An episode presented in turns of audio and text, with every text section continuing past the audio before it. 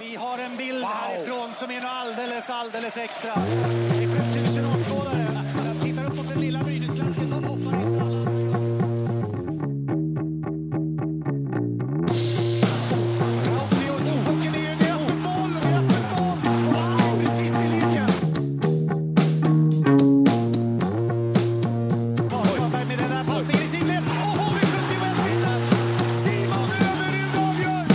ska ni vara till situationsrummet. Podcasten om SHL som är med mig Viktor Arner från svenskafans.com och Måns Karlsson från hockeysverige.se. Ombytta roller idag, du fick köra introt. Ja men äntligen! Ja. Jag kände liksom att det här var en... Nu var det min, gång- min gång, min tur. Du har laddat i, ja, vad kan det vara, två månader sedan du fick göra det senast. Ja men... eh, Filat på manuset för det ska bli perfekt. Precis. Det ska dra igång. Och ändå glömde jag våra titlar, kan jag tänka dig? Ja, fascinerande, fascinerande.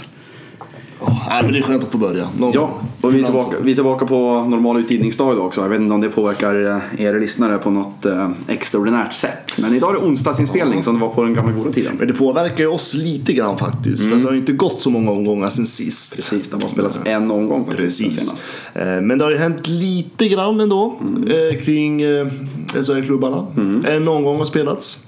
Eh, Ganska häpnadsväckande resultat ändå. Ja, framförallt eh, är det väl två resultat man fastnar för. Det ena är såklart att Färj, Färjestad vann borta mot HV med 6-5. Precis. Och sen såklart Rögles 6-2 vinst mot eh, Växjö. Ja, det är helt otroligt. Ja, Det trodde vi inte. nej det trodde vi väl inte. Men det är det vi har sagt om Rögle hela säsongen. Det är när man inte tror på dem. Det är då de går in. Och sen när de känner så här, fasen nu är de nog på gång. Då kan de torska med 8-0 mot Karlskrona eller sånt där lika gärna. Ja, men så är det. Det är charmen med Rögle i Ja, år. ja eller hur. Men sen, ja, skönt för Rögle. Ja. Helt enkelt. Jo- Johan Matti Altonen som hade varit petad några matcher gick in och gjorde hattrick på sex minuter. Och det känns väl också så här härligt Rögle-iskt den här säsongen. Liksom, det finns Ja, ingen, ingen struktur. Nej, men det och- skönt för honom att göra, göra lite comeback och visa liksom att han ska vara med. Lite, Ja, han, eh, det var ju, jag vet inte om det var Chris eller om det var Cam Abbott, men det var ju någon av dem som före matchen sa så här att Nej, men vi är inte riktigt säkra om man ska spela för oss. Och så går man in och gör hattrick. Det är ändå ett bra svar. Mm. Tycker jag. Tydligt. Ja, det är klart tydligt man säger. Eh, vi ställde lite frågor på, eller gav er chansen att ställa frågor snarare på um, Twitter eh, under vårt konto där, ät situationsrum. Det kom in en del så vi kommer ta upp eh, ett par av de eh, frågorna och ämnena idag. Eh, ett par av ämnena kände vi också, eller i alla fall jag tog det beslutet ensam att det behöver lite mer, lite mer tid och lite mer förberedelse till kanske. Det var lite om rankingar och lite om klubbarnas position kopplat till deras finansiella omsättning och, så vidare och så vidare. Budget och sådär. Men det Ja, men det var, det var bra frågor, men vi behöver kanske lite ja, förberedelse. Ja. Som sagt. Men vi kommer i alla fall fokusera på um, två lag ungefär kan man säga som vi fick in frågor om. Och eh, det ena är eh, Djurgården och det andra är Luleå. Två lag som eh, har haft lite olika säsonger men som inte är faktiskt så jäkla långt ifrån varandra rent poängmässigt nu i och med att Djurgården har gått lite tyngre på slutet. Och vi fick ju framförallt en fråga kopplat till Andreas Engqvist och hans mycket olycksbådande skada här. Han har ju fått en hjärnskakning som inte känns jättebra. Eh, han har missat fem matcher nu för Djurgården och då fick vi en fråga från eh, Emil Ullbrand på Twitter. Bör DIF leta efter något nyförvärv när man väntar på Andreas Engqvist nu? Vad känner du spontant? Jättesvårt. Mm. Jag tycker det är jättesvårt. Eh, Det är ju absolut en av kanske Djurgårdens viktigaste spelare som är borta. Ja, den, den viktigaste utespelaren skulle jag säga i alla Ja, fall. ja men absolut. Samtidigt har Djurgården en eh, ja, stark trupp, stark bredd. Eh, eh, kommer ju definitivt fortfarande kunna behålla sin positionering som ett topplag i SHL tänker jag. Men det är klart att sådana här tapp det påverkar naturligtvis. Så att det är jättesvårt att säga riktigt om, om de ska värva in. Det, det som, Jag blir lite osäker. Ja, men det- Ju mer jag tänker på det, ju mer osäker blir jag. Jag tycker du säger en bra sak där för du tar upp deras trupp och deras truppbredd och det har de ju absolut. Men de har ju väldigt få toppspelare i SHL Jo, offensivt. det har de. Där är ju egentligen han den enda. Peppe Lund har gjort mycket poäng den här säsongen. René Bork har varit en, en succévärvning. Det har de, men de är kanske inte uppe på den här storstjärnenivån i SHL. Där är ju Andreas Enqvist. Han har ju varit en av seriens bästa spelare när han väl var med. Och då, och då kan vi också tänka så här, det finns inga sådana spelare heller ute på marknaden. Såklart så att även om Djurgården skulle, det, det är lite så jag tänker, även om Djurgården skulle värva nu så kommer det inte stärka i den spetsformation som jag tänker att i så fall man skulle ersätta Enqvist med. Eh, Det finns inte den typen av kaliber ute på spelarmarknaden just nu, för de spelarna har ett lag. Det som däremot kan tala för att det dyker upp sådana spelare det är att eh, KL har ett väldigt konstigt spelschema i år. De har spelat nästan hela säsongen nu. Och sen har de OS-uppehåll, ett långt sådant. Och sen efter OS-uppehållet så har de bara två matcher kvar på hela säsongen. Vilket ju gör att 90% av lagen kanske inte har någonting att spela för då. Eh, dels att ni, ena halvan är klara för slutspel redan, andra halvan är redan borta från slutspel. Och av de här lagen där spelare är borta från slutspel, där kan det ju eh, och nu kan inte jag alla skatteregler och sånt där eh, till punkt och pricka. Men jag har fattat det som att om man kommer nu då får man bara skatta i princip för första månaden. Liksom svensk skatt sådär. Eh, så att man, man kan inte värva spelare från KL så bra första halvan av säsongen. Men efter nyår så går det betydligt enklare. Och då kan det dyka upp något intressant spelarnamn därifrån. Eh, sen är det klart, klubbarna kanske inte släpper sina bästa spelare till något lag i Sverige. Det har jag svårt att tro också. Men det kan dyka upp intressanta namn där. Eh, och Ja. Det är väl det som skulle kunna tala för det. Annars håller jag med dig egentligen. Ja, ja men absolut. Det är klart att det finns intressanta namn som kan komma. Men det kommer nog ingen som kan ersätta Enqvist. Nej. Utan det är snarare att man fyller ut truppen med absolut en duktig spelare. Men eh, ja, det beror på hur eh, Djurgården tänker kring vad man har för filosofi kring det här. Ja, och jag kollar igenom deras forwardsuppsättning här. Alltså det är ganska, det är jättemånga bra SHL-spelare, men det är just det det är. det är bra SHL-spelare. De har väldigt få jättebra SHL-spelare. Eh, och om man kollar deras form här också, de här fem matcherna Andreas Enqvist har varit borta. Vad ligger Djurgården i formtabellen då? 12 De har bara Skellefteå och Karlskrona efter sig. Eh, tre inspelade poäng på de fem omgångarna. Jämfört med bara, bara de där fem matcherna innan där han var med. Då tog de 12 poäng tror jag. Eh, Och det, här, och det här är ju fara när man har en liten för vass spets om man får säga Mm. så. Eh, Att, det, att det, hela det offensiva alltså spelet bygger på för få spelare. Mm. Eh, Det blir för skört. Blir fel spelare skadad, som Enqvist i det här fallet, eh, då påverkas hela laget. Ja, absolut. Så det är ju en fara. Det går att göra kopplingen till det två säsonger sedan Anton Rudin gick sönder för Brynäs. Just det, ja, Och, precis, just det. eh, Då rasade det ju fullständigt. Eh, De gick väl från typ tredje, fjärde plats och hamnade väl tia till slut tror jag. Eh, Från januari och framåt. Vann ju knappt en match. Och det drog de ju lärdom av då sa de. Att, eh, så året efter då, förra säsongen, då byggde de mycket jämnare lag med fyra jämnbra kedjor. Eller inte fyra jämnbra, men fyra betydligt bättre kedjor. Och då gick de till SM-final. Och, sådär. Precis. Eh, och där, det finns ju vissa paralleller att göra i Djurgården. Jag tror inte de kommer rasa ner till tionde plats för de har ändå en bra backsida. Och de har framförallt två väldigt bra målvakter. Men det är ändå oroväckande att se att de har tagit tre poäng de här fem matcherna nu när Andreas Enqvist inte har varit med. Och om det nu är en hjärnskakning, jag vet inte om de har kommunicerat det officiellt men det är, det, snack, det är det det snackas om. Då finns det risk att han blir borta ända fram till OS-uppehållet. Och då finns det också en risk för Tre Kronor att man inte kan använda en som jag tror annars hade varit en given OS-spelare. Så det är också ett tungt slag för, för Rickard Rönnborgs man här då också. Absolut, det är så. Och eh, det är klart, det blir tungt för Djurgården. Det är Mm. tråkigt för Djurgården. Det har ju gått så bra för dem hela den här säsongen. Mm. Så men ja. Men vad tycker du? Ska Djurgården värva eller inte? Eh, ja, det, alltså, som sagt, dyker rätt namn upp då är det klart de måste förstärka laget. Dels för att täcka upp Andreas Enqvist, men också för att när han väl är, om man säger att han kommer tillbaka, då är Djurgården ett av seriens bästa lag. Då är de ett lag som kan gå långt i slutspelet. Kan de då stärka upp sin redan starka trupp lite, lite grann ytterligare, även om det inte är kanske en toppspelare på SL-nivå, så tror jag att det är ett lag som skulle kunna gå till åtminstone en semifinal och kanske hota om en finalplats i och med att de har så, två så bra målvakter. Om de håller formen uppe, ja, då tror jag det kan räcka riktigt långt för Djurgården. Så det är väl den, mer den aspekten också man kan väga in, tycker jag. Men det är ju svårt som sagt och rätt namn måste ju dyka upp. Man ska inte, bara för att det finns någon ledig nordamerikan från NHL så är det inte säkert att den stärker laget automatiskt. Liksom. Nej, det är som vi har sagt förut. Man ska inte värva för värvningens skull. Nej, precis. Så är det. Exakt. Ehm, Men vi kan ju faktiskt då, på tal om nordamerikanska spelare som är kontraktslösa och som har nu fått en svensk klubb. Så har ju Frölunda återigen gjort en sån värvning. Frölunda värvar. Ja, efter eh, Mike Webber så Precis. han tvingades ju lägga av. Vi diskuterade det om det var i förra podden, två poddar sedan, att de behövde, nog behövde gå ut och- på marknaden och leta efter en ny back. Och nu har man hittat eh, det som skulle kunna vara Mike Webbers tvillingbrorsa känns det som ungefär. Eh, liknande karriärer, liknande storlek, nästan samma spelstil eh, och liknande bakgrund och. Adam Pardy, klar. Förra säsongen i Nashvilles organisation har gjort en bit över 300 NHL-matcher men inte varit någon stjärna såklart. Då hamnar man ju sällan här i Sverige. Vad tycker vi? Vi har ju varit inne på det tidigare, den här stora spelaromsättningen i Frölunda. Mm. Så sent som förra veckan pratade vi om den och nu kom det in en spelare till. Men den här kanske var mer nödvändig den här värvningen. Ja, alltså det är en stor defensiv back. Mm. Eh, såklart så förstår man ju att det är den positionen han kommer få också. Den rollen han kommer få i Frölunda. Eh, jag gillar sådana typer av backar. De är alltid viktiga. De syns inte alltid eh, i spelet. Definitivt inte i kanske statistiken riktigt, protokollerna. Eh, men det är viktiga spelare. Eh, de skapar väl, tanken är väl att han ska skapa ett trygghet i det defensiva spelet hos Frölunda, tänker jag. Mm. Att han ska vara med och bygga det så att Frölunda blir starka inför kommande slutspel. Men det finns ju, jag känner så här, jag, nu säger jag emot mig själv, för jag har ju själv tidigare sagt att jag tycker de ska värva.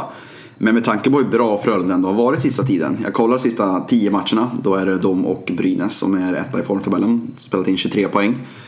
De har ju ändå funkat utan Webber i laget. Sen är det klart, det kanske inte funkar för, bara för att det funkar första tio matcherna så funkar det kanske inte för all evighet, det förstår jag också. Eh, men det finns det inga risktagningar med att plocka in en sån här backbjässe och säga att men det funkar ju för Webber. Det säger ju inte att det automatiskt funkar för Party. Nej, finns det, inga, äh, finns det, kan det inte finnas risk att plocka in en sån här kille ifall de märker att oj shit, han funkar inte alls på stor rink på det här höga tempot, den här höga forechecking och så vidare som det är i SHL. Mm. Ja, risk är ju alltid när man eh, tar in nordamerikaner eh, mm. i stort sett. Men, men Kanske jag tänk... speciellt om det kommer under säsong. Ja, men jag tänker samtidigt att i Frölundas del så man vill gå långt i Frölunda. Man vill ta sig fram. Jag tycker att Frölunda väljer att bredda laget. Mm. Så jag tycker det är klokt. Och har de, pengar, har de ekonomin för det så är det väl bara att köra på det. Mm. Ja, det frigjordes nog. Jag vet inte exakt hur deras uppgörelse såklart ser ut med Webber. Om det är han själv som valde och, i och med att han var tvungen att lägga av. Precis. Eh, eller om han eh, sitter och tjänar nu pengar till försäkringen, kickar in och så vidare. Jag vet inte exakt hur uppgörelsen ser ut där. Nej. Men som du säger, har de ekonomin för det så då kanske inte är så stor risk ändå. Eh, Nej, alltså jag tänker att eh, det känns ju som en värvning för Frölunda som vill bredda framåt. Mm. Eh, så att eh, jag tänker att jag tror att man försöker tänka så långsiktigt som möjligt den här säsongen just nu. Eh, och nu, vi, nu måste ju Frölunda bara satsa på att sätta ihop det här laget mm. och fortsätta hålla den här formen som man har. Det snackas i NHL när man värvar spelare om så low risk, low reward spelare. Det vill säga man värvar in en spelare som, det är inte så stor risk men man kanske inte får ut så jättemycket av det. Så finns det de här high risk, high reward spelare som är en stor risk men funkar det så blir de skitbra. Och jag kan tänka mig att han är lite mer åt det här low risk, mm. low reward hållet. Att de kommer kanske inte få ut någon, de får inte ut någon stjärnback såklart. Men i och med att eh, det är för en ganska kort tid och sådär så kanske det ändå är värt det i Frölundas läge i och med att Webber var tvungen att, att lägga av. Det, det är sånt som inte går att förutse liksom. Nej men precis. Nej men jag tycker det är inte fel. Nej. Det var inte fel av Frölunda. Men den här spelaromsättningen de ändå haft på slutet. Eh, det har kommit in en hel del nya spelare under säsongen. Det är inte så många som försvunnit. Visst, de, nu hade de några borta på JVM här och sen är Patrik Westerholm långtidsskadad och Bergenheim var skadad och lite sådär. Men eh, de får en väldigt, väldigt bred trupp när alla, om alla spelare kommer tillbaka. Eh, Frölunda. Då blir det många som sitter på läktaren under slutspelet där. Ja, och det är jäkligt tacksamt mm. eh, som coach. Det är det verkligen. Inte som spelare kanske. Eh, med det så är det att det bygger ju ändå en konkurrens inom laget. Eh, spelarna, tävlingarna blir en match. Ja, men det blir, Eller träningarna blir en tävling snarare. Ja, men det blir interna mm. eh, konkurrensen kommer bli mycket starkare. Det innebär ju att spelarna måste prestera hårdare för att kunna få en plats i laget. Eh, coachen har mer att plocka ut av. Sportchefen sitter nog nöjd och vet att det finns kapital om det kommer skador eller andra händelser som inte går att förutse. Så att eh, jag tänker att eh, Frölunda med det här manskapet man har nu och den här formen som man har visat på senare tid sitter ganska lugnt i båten. Vi såg ju förra säsongens slutspel att både HV och Brynäs hade duktiga spelare på läktaren. Eh, jag tror att till och med att Chris Abbott, kaptenen, tror jag var petad upp till läktaren någon match där när han var skadefri. Niklas Hansson som var en duktig SHL-back satt också på läktaren stora delar och i Brynäs hade vi ju Nick Johnson på läktaren under nästan hela slutspelet och även eh, Pontus Westerholm, Jesper Bokvist fick sitta på läktaren några matcher och sådär. Ehm, så det är ju också chansen att liksom någonstans bryta momentum, kasta in nya spelare när om det, man ligger under med 2-0 i matchserie i slutspelet sen. Ja men då eh, testar vi att skicka upp Party på läktaren och så skickar vi in en ung kille från eh, läktaren som, som har suttit där matcher jätterevanschsugen. Det kan ju också vara någonstans att man bryter momentumet och liksom får in ny energi i laget också. Eh, så det kan ju vara positivt även ur den aspekten. Att det, det finns, man är inte lika låst vid att här, vi, bara måste, vi byter plats på de här två formationerna för att få igång det. Utan man kan faktiskt byta ut spelare i laget. Sådär. Det kan ju vara en fördel det också. Ehm, tror jag. Men vi får se, Adam Party. Man vet ju aldrig med de här stora nordamerikanska bjässarna eh, hur det funkar. Om det är bra eller, blir bra eller dåligt helt enkelt. Så det, det blir spännande att eh, se. Vi eh, fick också en fråga från Twitter angående Luleå. Det var från Kristoffer Lundqvist som hörde av sig lite. Vi skulle snacka lite om Luleå. Och det är ett lag som vi har benämnt eller berört.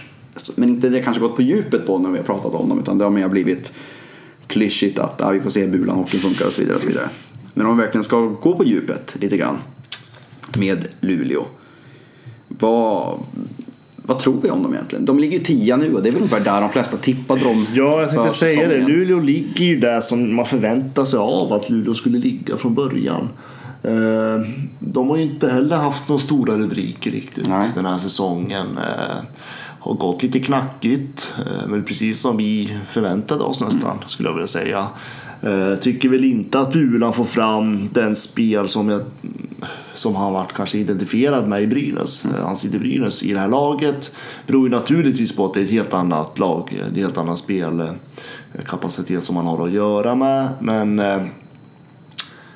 ja, på någonstans så blir det liksom, man är inte förvånad att Luleå ligger där Luleå ligger. Nej.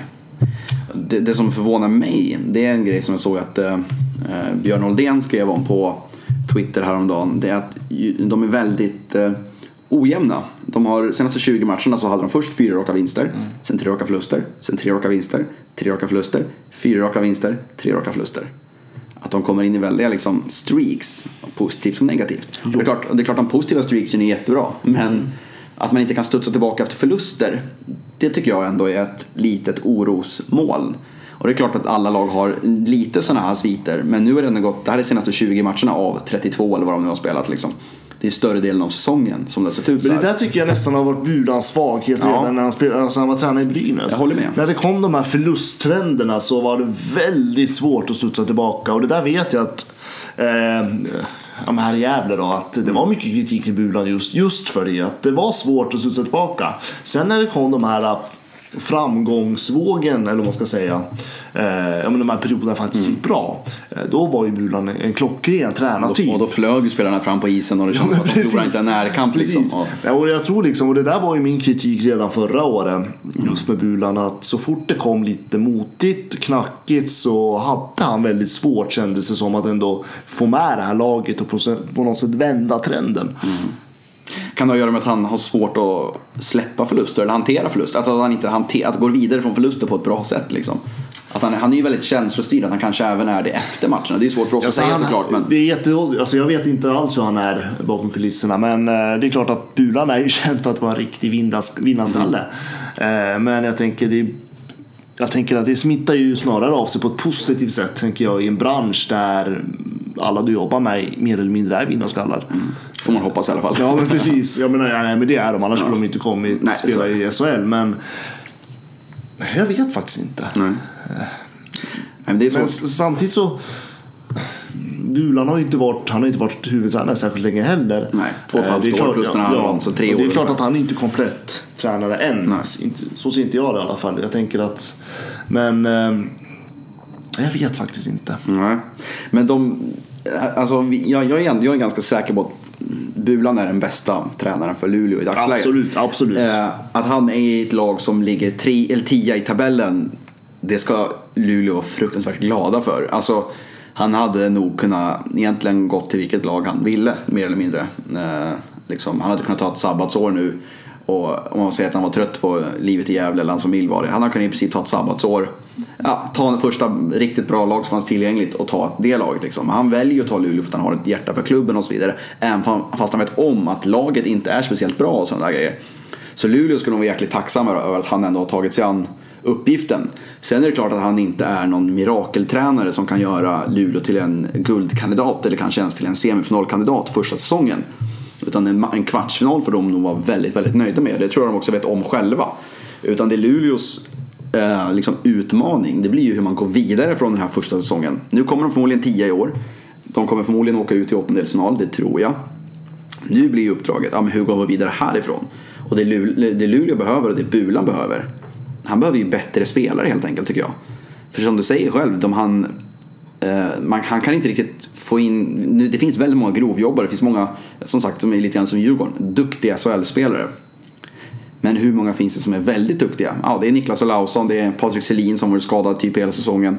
Emil Larsson som har gjort det jätte, jättebra, liksom en fantastiskt bra målskytt. Men det är ändå kvaliteten, det är ändå nivån under, möjligen med Olausson borträknad. Liksom den som han hade i Brynäs liksom. Så det blir ju en omställning på det sättet också. Så det Luleå behöver, som vi var inne på redan före säsongen, det är så här, vad hände med Real Luleå som vi snackade om för några år sedan? Det är ju spelarkvaliteten som måste upp och de har ju varit nästan, då är det din Kovacs nu under säsongen, men det känns som att de nästan, och Jalvanti för ett tag sedan, men de jag vet inte, antingen har de ju inte mer pengar till att göra mer och då kan man ju inte göra mer men det känns som att de är inte så många dukt, riktigt duktiga spelare från att kunna vara ett, bett, alltså ett riktigt bra lag. Så man saknar ju lite djup på forwardsidan framförallt och även på backsidan. Backsidan saknar jag mer spets men det är lite för få riktigt bra spelare i laget. Det tror jag är den enkla analysen. Ja, det är, jag, jag tänker lite grann som vi har pratat om tidigare, eller Luleå också, att eh, precis som du säger, för några år sedan så var det Real Luleå. Mm. Luleå var med. Ja, då skulle de vinna SM-guld. Ja, då skulle de vinna SM-guld. Mm. De vann serien någon gång där för mm. några år sedan.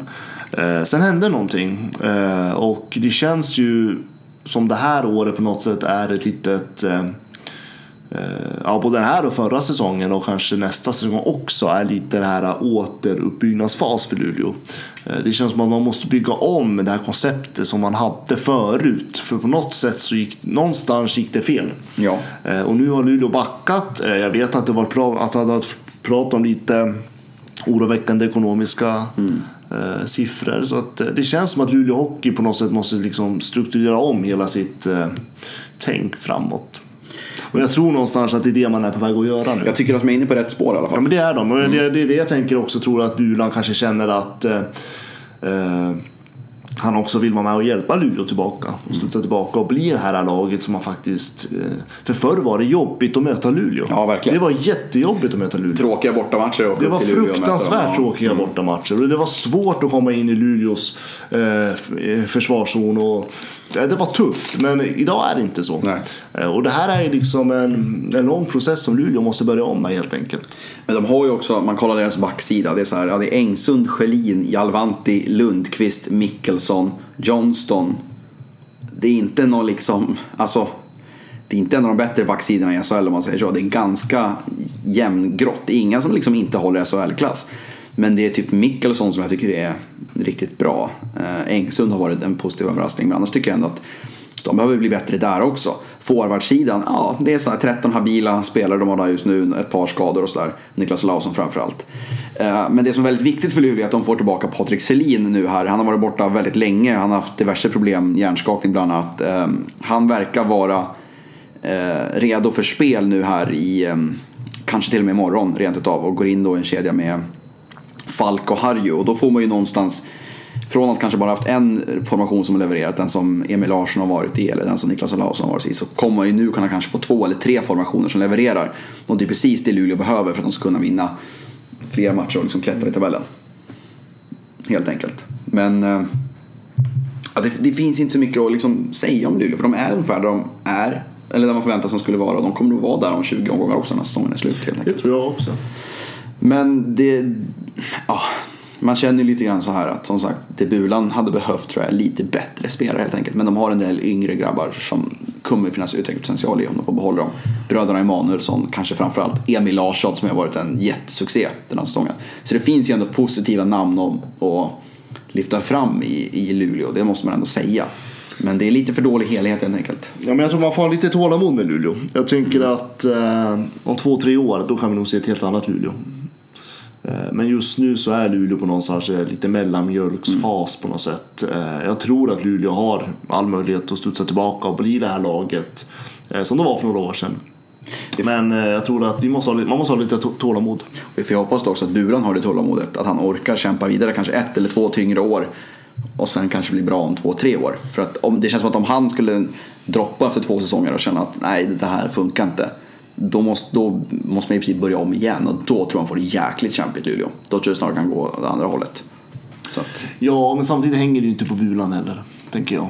kanske inte, men... Luleå har lyckats bra utan Bulan. Ja, ja, absolut. Jag tänker mer att om man nu ska bör- börja om en ny process, om man är inne i den nu, om då den som leder processen någonstans försvinner på vägen. Det är mer så jag tänker. Sen att det är just samtidigt, Bulan, samtidigt det... tänker jag liksom att ja, Bulan kan vara med och starta processen, men han kanske inte blir den som avslutar processen. Nej. Jag tänker att en tränare ska inte vara ett lag alldeles för länge heller. Nej, det håller jag med om. Så att jag tänker att Bulan kan vara med Ja. och lägga grunden nu för nytt. Sen får vi se hur länge han stannar. Han kanske stannar jättelänge nu, det vet vi inte. Men eh, jag tänker att eh, jag hoppas att han stannar i Luleå i alla fall tre säsonger. Mm. Minst tre säsonger. Sen kan vi vända på det och tänka Frölunda och Växjö, de föreningarna som kanske mår allra bäst. Det är också de som har haft huvud, sina huvudtränare längst tid. Så Så, det det, det finns ju Ja, exempel på där det funkar också. Ja, ja, gud, ja, det Sen finns finns det ju det. också exempel på där man märker att oj, de kanske borde sluta redan förra säsongen. Ja. Så det, Liksom. Nej, men jag tycker tålamod med Luleå. Mm, det håller jag med om. Eh, tålamod finns det, kan man däremot inte ha nere i Blekinge just nu. För där, är det, Nej. där måste det vända nu. där, där har man inte tid att vänta längre på att, det ska bli, eh, att siffrorna ska byta färg så att säga. Där är det riktigt illa just nu. Eh, det var igår som klubbdirektören Charlotte Gustafsson gick ut i Blekinge Läns tidning och i princip vädjade att eh, Karlskronaborna, att Blekingeborna skulle börja gå på hockey igen. Eller Karlskronas hockeymatcher. Jag fick nästan lite déjà Ja, vu-känsla av det här. För att, Det, det, du la fram på Twitter två artiklar här. En från 13 oktober 2015. Yes. Och då var det ju Modo. Och Exakt. då var det Charlotte Gustafsson också som gick ut och vädjade till eh, Modo-fansen att eh, besöka arenan. För de hade också väldigt röda siffror. Det var Exakt. en dålig publiksnitt. Eh, Ja, hon sa då, nu ska jag vara brutalt ärlig med er. Har vi ett snitt på under 4000 besökare på match kommer vi inte ha möjlighet, ekonomisk möjlighet att spela SHL över tid. Och igår sa hon då eh, att eh, de, de, hade, de hade budgeterat för ett snitt på 4000. Sen var de tvungna att sänka det till 3700 och nu ligger de på 3556. Och då sa hon alla som kan räkna. då är det en SHL-klubb vi pratar om. Precis, eh, 3506 var det till och med. Och då sa hon, alla som kan räkna med griper ju att vi har förlorat pengar på att vi inte har klarat målet. Jag är fruktansvärt medveten om situationen. Vi har sju matcher på oss för att rädda situationen, sa hon till Blekinge Läns Tidning igår. Eh, ja, vi, vi, vi satt och pratade lite grann om det här innan vi började spela in. Och man kan ju vända och vrida på det hur som helst. Eh, men är det ändå inte någonstans man får den här känslan att ja, men leverera någonting som gör att folk vill gå och kolla på matcherna då? Är det inte någonstans där problemet ligger för Karlskrona? Man går, in, man går ju in med inställningen att man ska tråka sönder sina motståndare. Hur kul är det då för publiken att komma och säga att ah, någon gång var femte match kanske vi vinner med 1-0. Fyra av fem matcher kan vi förlora med 6-1. Alltså, är det inte dags att leverera en produkt som folk vill gå och titta på? Jo, men sen är det ju, just i nuläget är det ju i princip omöjligt för Karlskrona att leverera en produkt. Ja. Man har den här produkten man har. eh, Den är ingen säljande produkt, tyvärr, Karlskrona. Det är en tråkig hockey. Det säljer inte. Samtidigt är ju liksom Karlskrona inte heller jätte... Om man ska vara he- helt krasst, inte ett jättefolkkärt lag heller. Nej. Eh, Jag kan tänka att fanskaran är ganska begränsad i jämförelse med övriga SHL-lag. Ja, och det, Eh, och det, och finns ju, tänker- det finns ju flera anledningar till det. Dels så har de ju inte, om vi tänker Örnsköldsvik, Modo. Där hejar 99% på Modo. Ja. I, eh, i kanske till och med 99% i Ångermanland hejar på Modo, typ. I Blekinge, då Charlotte Gustafsson sa ju det också i den här intervjun igår, att hon blev förvånad över att inte det där var hela Blekinges lag. Men det är klart det inte är det, för att de har ju varit på samma nivå som de här Kallinge, Ronneby de här lagen i division 1 under många år. Haft enorma rivaliteter där. Ska de helt plötsligt, bara för att KK blivit bra, börja gå på Karlskronas matcher och hej, börja heja på dem? Det gör man ju inte heller riktigt. Så att Nej, och liksom... eh, Och det, så det finns ju förklaring, alltså, så det är ganska det, det är rimligt det du säger. Det är att, de, att de inte är folkkära eller folkliga, det är Nej. totalt rimligt liksom. Ja men, det, ja men det blir lite så. Så är Karlskrona, det är ju inte världens största stad heller. Nej. För den delen. Så att det, det, är lite, det är lite kämpigt för dem. Mm. Eh, och samtidigt, och när man har just de där förutsättningarna som absolut inte är jättetacksamma när man är en SHL-klubb. Eh, och så har man en produkt som inte är attraktiv. Mm. Då blir det svårt. Och jag tänker att eh, folket har ju ingen skyldighet till klubben utan det är ju klubben som måste visa och leverera. Eh, Karlskrona gör inte det och jag förstår det. Alltså det är ju inte att Karlskrona eh, eh, gjort fel på det sättet utan det är för att eh, de har ett lag som det går motigt för just nu. Och, de, och de måste nästan spela en hockey som är tråkig att se på. Eh, Och då är det inte kul att komma på matcherna. Nej, och det hade ju, folk hade ju kanske gått matcherna om de hade vunnit de där matcherna när de spelar tråkigt. Och visst, de är helt okej hemma, det är de. Men de är ju fortfarande ett lite för dåligt lag för att man ska känna, för jag tror de flesta känner att äh, det blir nog kval ändå. Och så kanske man börjar gå på de matcherna istället. Ja, och när vi ändå lever i en tid där hela ligan egentligen har lite motigt när det gäller publiksiffror. Ja, det är väl i princip Färjestad och Djurgården som har haft det riktigt bra. Ja, Resten har men de har det också gått bra för. Ja, här precis, säsongen. precis. Eh, och, så, och då tänker jag att då är det de här klubbarna som Karlskrona som drabbas värst av det. Mm. Ja, Det är extra känsligt för dem. Ja, det är det. Och, men man känner lite så här. Kan man, ja. Är det inte att liksom lägga över ansvaret på någon annan och gå ut och säga men ni måste gå på våra matcher, ni måste rädda oss. Blir inte Alltså, det, blir inte jag- det, för, det är klart att ekonomin handlar om, det handlar om att få in kronor och då är det det lättaste sättet för det kan man göra någonting åt under säsongen.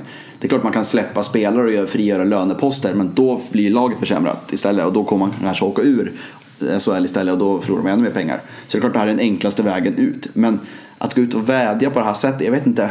Jag tycker det skickar fel signal. Jag tycker det är att lägga över ansvaret på någon annan istället för att tänka oj, här kanske är vi som har gjort någonting fel. Nej, jag håller inte med. Nej. eh, Jag tycker att... eh, Jag tror absolut att Charlotte Gustafsson och resten av Karlskrona gör allt i sin makt för att eh, lösa det här. De Det in- tror jag. Ja, men de inser ju säkerligen att det, det kommer vara oh, helvete tufft, ursäkta språket. Men, eh, och de vädjar till fansen. För på något sätt är Karlskrona, precis som alla andra lag och hela idrotts... Alltså det är en, det är en rörelse i Karlskrona. Eh, Det finns en fanskara, det finns en, någon form av supporterkultur där. Eh, Och det här är liksom, Karlskrona betyder mycket för de som faktiskt hejar på Karlskrona. Eh, Och det här är väl ett sätt att, för någon tänker jag, att klubben måste gå ut med och säga att nu är läget akut. Och sen är det ju upp till var och en. Hejar man på Karlskrona, ja men då kanske jag ska betala för den här tråkiga matchen då. För att det ger klubben någonting. Eh, och, liksom. och det är ju inte att, alltså, det är ju inte att ansvaret blir på publiken, men det är ju att publiken eh, förstår allvaret och kanske offrar extra hundralappar istället för att sitta hemma och titta på TVn. Ja, Alltså det är lite så jag jo tänker. så är det ju. Så att Eh, jag tänker att klubben lägger inte ansvar, men samtidigt vädjar ju om hjälp. Eh, och vi har ju sett klubbar gjort det här förut. Jag tycker inte det är fel, men eh, det blir ju... Samtidigt så det är ju ett misslyckande. Det är det ju. Och Man märker ju också att de, de här klubbarna som har det lite kämpigt, att de bara längtar till första maj när det nya SHL-avtalet börjar gälla, TV-avtalet där. Och det var ju hon också inne på, att det handlar om att överleva tills dess. Sen löser sig allt. Ehm, och det, vet, det, det är lite grann som I alla fall för stunden. Ja, precis. Och det blir lite grann som att man väntar på någon sorts eh, frälsning runt hörnet. Bara vi håller ut, håller näsan över vattenytan fram till första maj så löser sig allt sen. Och man fick ju, det var lite grann samma vibbar i Hockeyallsvenskan för några år sedan när SHL utökades och man visste att det var minst två lag som skulle gå upp. Då satsade ju alla lag som galningar på att det här är ju vår chans. Och sen för de lagen som satsade och kanske inte gick hela vägen för, vi kan ta Västerås exempelvis som ett exempel. Vad hände med dem? Ja, käpprätt ner i division 1 istället. Så man ska, man ska inte alltid liksom chansa om man märker att det inte finns möjlighet att chansa. Eller så. Och det är väl det Karlskrona inte vill göra heller. Och därför man hellre vädjar till publiken istället för att chansa och kanske förstärka med spelare. Och så åker man ur ändå. Då kan det bli konkurs. Ja, ja, jag tänker Karlskronas siffror är redan röda, tänker jag. De, har inte, de har inte så mycket mer att spänna på. Nej, alltså, så är det. de ekonomiska musklerna är slut i Karlskrona. Eh, samtidigt så, som vi har pratat om tidigare, det är en organisation som inte riktigt har varit, eller kunnat fyllt ut den här SHL-kostymen riktigt. Eh, fast man har varit i, vad är det, tre år? Ja, det är tredje säsongen. Tre säsonger, precis. Eh, så att eh, någonstans tycker jag, det är ju inte Charlotte Gustafssons fel, det är ju precis som jag sa tidigare, hon kom ju in i den här klubben för sent. Ja. Utan det här är ju ett misslyckande av Karlskronas, alltså hela styrelsen tänker jag, från första början. Att man inte har lyckats byggt upp en bättre organisation på de här tre åren. 780 000 läste jag att om snittet ligger nu kommer man förlora bara i publikintäkter eh, gentemot eh, budgeten som hade inför säsongen. 780 000. 780 000. Det är nästan en miljon. Ja, och hon sa det också att det blir snabbt en miljon där om Ja. det inte vänder på sig. Så att, eh, det är kritiskt. Det är mycket för en sån klubb som eh, Karlskrona. De andra klubbarna har ju råd att ha några sådana säsonger, eller många av dem i alla fall. Skellefteå skulle kunna ha många sådana där år. Eh, Brynäs gick väl back 10 miljoner eller 12 miljoner eller sånt där, var det inte så? Häromåret. Eller minns jag helt fel där? Jo då, Ja. vi har, vi höll på att säga. Brynäs har haft sådana år. Ja. Inte bara ett, Brynäs gick faktiskt back 19 miljoner på tre säsonger. Ja, du ser. Och, eh, och sådär. Och många klubbar har ju råd med några sådana år. Eh, Luleå har väl också råd med, de hade ett sånt år också här. Men för de här nya lagen som kommer upp, då finns inte det utrymmet. Utan då måste det... Nej, och det har ju med det egna kapitalet att göra. Exakt. Det är ju det som är liksom eh, bufferten som ska rädda i svåra stunder. Exakt. Eh, Karlskrona har inte det. De har inte det. Nej. Men de får ju det om de klarar sig nu till första maj. Här, Ja, om de klarar sig. Jag blir mer och mer orolig för Karlskrona. Mm. Och som sagt, jag tror inte ens de kommer klara sig kvar sportsligt SHL. Nej, det var det jag menade. Ja, så att, eh, ja, vi får se. Eh, En sista liten nyhet innan vi går in på morgondagens eh, matcher är ju det som kom igår. Det är inte bekräftat på något sätt men att Brynäs gör en förändring på målvaktstränarsidan. Eh, Där Johan Honken Holmqvist uppges kliva in åtminstone på tillfällig basis. Det är inte riktigt klart för att Pekka Alsen som har varit målvaktstränare där sedan 2005 och fostrat ja, hur många stora målvakter han har fostrat svenska mått mätt. Det är Anders Lindbäck och det är Jakob Markström. Han var med och fick fram. Eddie Läck, Niklas Svedberg. Svedberg, ja precis. Eh, Och nu Felix Sandström då. Eh, Även jobbat mycket med just Honken. Och Eh, på flicksidan Sara Gran. Sara Gran, ja. Ja framförallt Sara Gran nästan. Det är nästan det största jobbet har gjort. Eller där, så att, eh, men Pekka har betytt mycket för Brynäs. Han har betytt mycket för Gävle. Det är jag som ändå uppväxt här. Mm. Eh, har varit med på hans träningar till och med. Eh, inte, jag är inte målvakt men jag har varit men ändå. Ja. Eh, han har betytt mycket för klubben och offrat oerhört mycket tid till den här eh, föreningen. Eh, Men tyvärr har han, ett, han har haft problem med sitt eh, hjärta tidigare. Jag vet inte om det är det som det är nu. Nej, som det Han fick väl en hjärtinfarkt, Han, har? Mm. han fick en hjärtinfarkt för några år sedan. Han har även fått en stroke tidigare. kanske så att han har haft lite motigt i hälsomässigt. Det har varit oroligt för honom så att det är jättetråkigt kan jag tycka. Ja, de har inte sagt gått ut med vad det är för han, vad det är för någonting som har hänt. eller Så de har bara sagt att han är sjukskriven och de har inte sagt någonting hur länge han ska vara det. Och det är som sagt inte ens fortfarande bekräftat huruvida Holmqvist kliver in och om det i så fall är permanent eller om det bara är tillfälligt. För Honken har ju faktiskt inte sagt utåt att han lägger av med hockeyn än. Men vi får, väl vi får anta att det är där landar eftersom han inte har spelat nu Och det har, ju varit, det har ju faktiskt varit snack länge att det är Honken som kommer ta över efter Pekka. Ja, det känns som en naturlig övergång. Ja men det gör ju det. Och Mm. Honken har ju liksom, han bor i Gävle. Eh, har ett Brynäs hjärta. Mm. Eh, så att, eh, det, nej, men det, har pratats, alltså, det har pratats många år i den här stan att det är Honken som kommer ta över efter Pekka. Mm. Och det kanske ligger någon sanning i det. Ja, och jag vet, jag intervjuade honom för eh, ett par år sedan här på SHLs upptaktsträff och då var han eh, väldigt tydlig med att en del av det som drev honom i att fortsätta spela och framförallt en del av det som drev honom i att fortsätta spela med Karlskrona det var just att han fick ha en lite av en eh, mentorsroll kan man säga. Eh, till exempel Linus Fernström då som ju är i Brynäs nu. Eh, Att han, han brann lika mycket för att få se andra spelares utveckling och för att se klubben utvecklas. För han har ju varit med om så otroligt mycket. Han har spelat i NHL, han har vunnit VM-guld, han har vunnit ett par SM-guld, han har varit på toppnivå i nästan 20 år nu. Det var ju 98-99 där han slog igenom Brynäs. Eh, Att han brinner för att utveckla andra lika mycket. Så han har nästan känts som varit en målvaktstränare även under tiden han spelade någonstans. Och liksom verkligen velat dela med sig av sina erfarenheter. Så det känns som att det blir en väldigt naturlig man nästan väntat sig att han skulle bli målvaktstränare. Eller han han har lite, slag. jag, jag gjorde en intervju med honom också för några år sedan. Mm. jag inte ihåg vilket år det var. Men det var, han spelade i Brynäs i alla fall. Och då sa han också att eh, nej, men jag är inte här för att eh, liksom, eh, stärka mig själv utan jag är här för att stärka de andra. Mm. Med min erfarenhet och liksom, så hoppas jag kunna lyfta fram framförallt de yngre målvakterna i klubben. Och liksom, så han, han har verkligen det här ödmjuka tänket på något sätt. Ja. Att han vill lyfta fram andra. Han, han sa det, jag blir glad när min målvaktskollega blir bättre. Mm. Eh, Och liksom, kan jag bidra med det så vill jag göra det. Sen verkar han ju vara rent allmänt en väldigt bra person att ha att göra med. Jättebra väldigt lätt, person. väldigt lätt lätt tillgänglig. Och, ja, precis. Ja, ja. Så att det, det verkar ju vara bra även på det sättet. Man, han verkar inte bara leva på att han har ett stort namn i klubben utan han verkar ju faktiskt, om det nu är så att han kliver in här, så tror jag han kommer kunna bidra med saker. Sen är det klart att han också behöver lära sig. Han har inte jobbat som tränare. Så att det går inte att ersätta Pekka Alsen rakt av som har varit där så länge. Inte erfarenhetsmässigt, så är det. Exakt, Men han, men har jag- ju, han har ju någonstans, tänker jag, personligheten för att vara en Exakt. tränare. Det är ju liksom det som... För ofta så tänker man när någon bra spelare slutar så skriker ju alla att han ska bli tränare. Mm. Men det är en helt annan sak att vara tränare och spelare. Vissa bra spelare kan bli, bli värdelösa tränare Mm. sen. Men just, jag tror just den här coachingdelen tror jag blir Honkens absoluta styrka Mm. i, som målvaktstränare. Om han nu blir det. Ja, så att det, det känns som sagt som den eh, naturliga arvtagaren någonstans får man ändå säga. Så vi får se hur utvecklingen blir där. Det lär ju säkert komma ett besked om det där närmsta tiden. Men Ja. det kan ju vara att Honken fortfarande in i det sista väntar på något sorts SHL-anbud. Men jag tror att han också börjar ge upp nu för att det är ändå inne i mitten av januari. och han har fortfarande inte skrivit på för någon klubb. Nej. Eh, och samtidigt så Brynäs är utan målvaktsställare. Ja, nu. precis. Och det kanske framförallt eh, drabbar en sån som eh, Sara Gran tänker jag.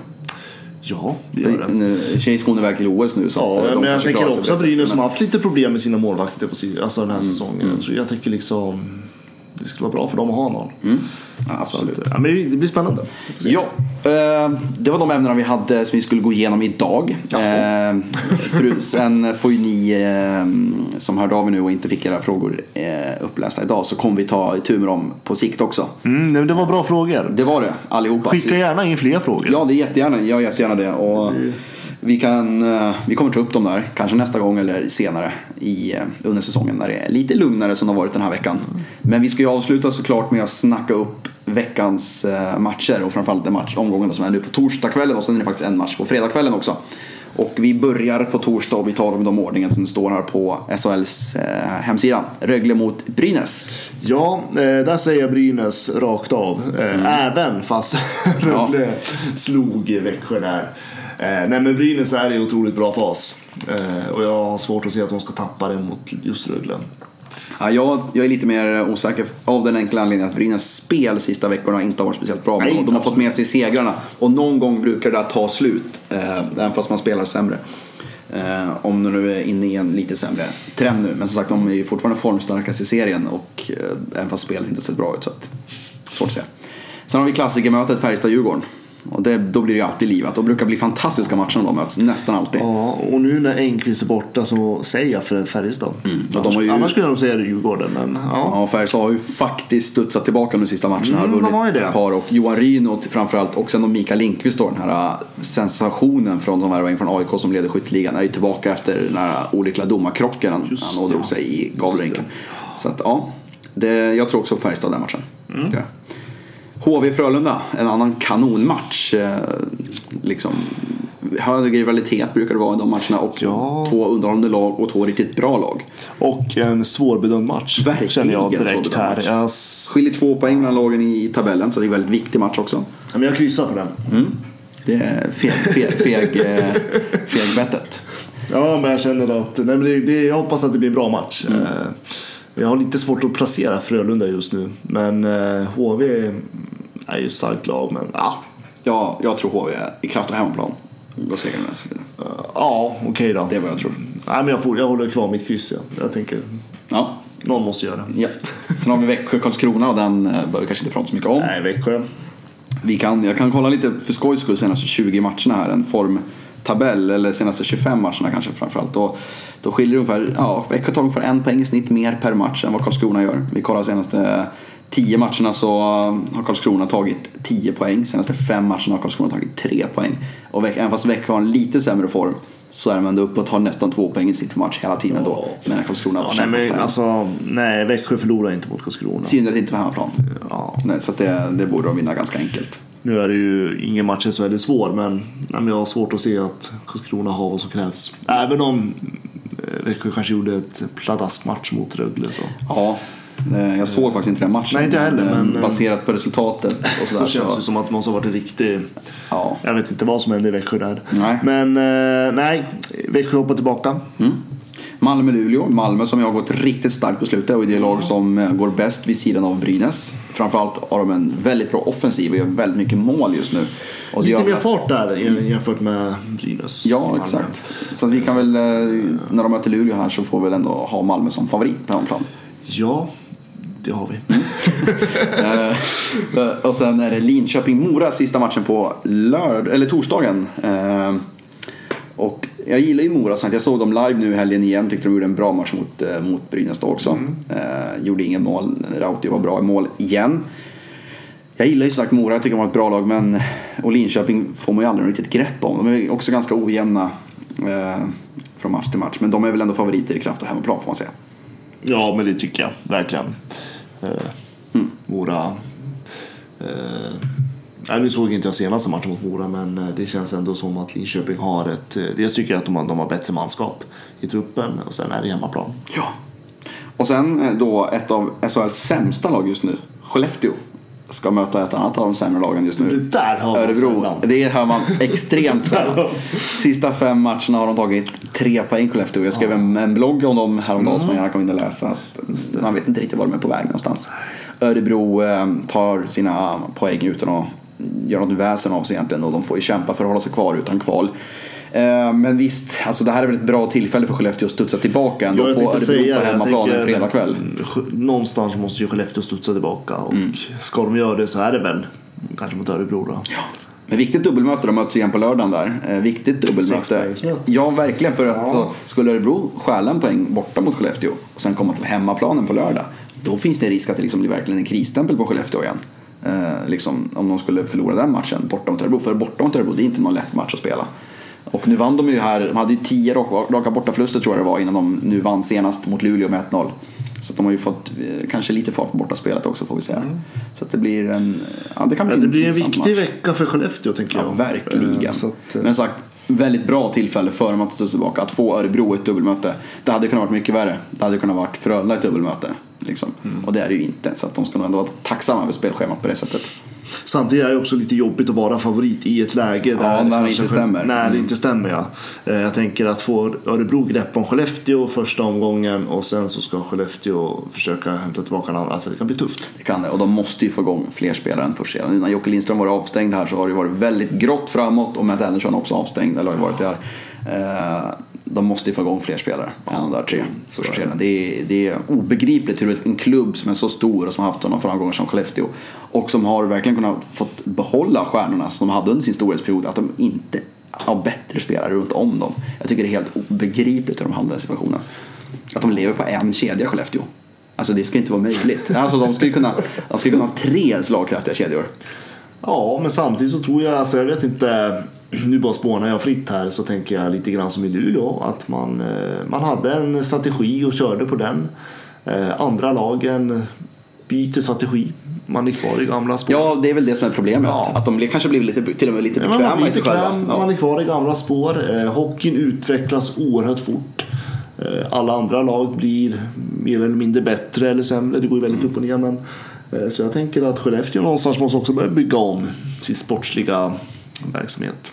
Ja, om jag tänker så här, om Färjestad kan ha... Spelarmässigt alltså. Ja, om, Färjestad kan ha den offensiva uppställning de har, tre jättebra kedjor, då borde Skellefteå kunna vaska fram en kedja. om man tänker så Ja. liksom. Jag tror Skellefteå kommer tillbaka inom en snar framtid. Ja, Kanske det- inte den här säsongen men eh, de bygger nog upp sig. Ja, de, det, De har kapital för det. det har de sannerligen. Det har de sannerligen. Det har de. Så att, ja. Men det blir en riktigt härlig torsdagkväll framförallt. Två riktiga kanonmatcher där med Färjestad-Djurgården och eh, HV mot Frölunda framförallt får man säga.